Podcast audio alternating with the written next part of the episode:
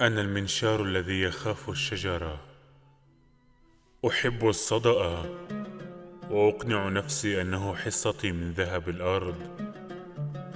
وأتآكل أتآكل في التراب. قد تجديني يوما في في أحد محلات الأنتيكا وتعلقيني على جدارك.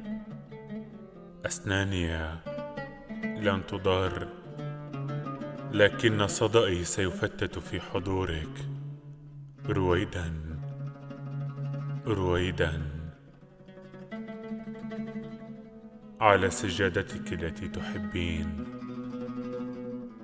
ستقنعك أمك اني مجرد خرده ستغرسيني بجانب الشجرة. وتقول تقول أمك أني مفيد لترابها. لأنني لأنني أخاف الشجر.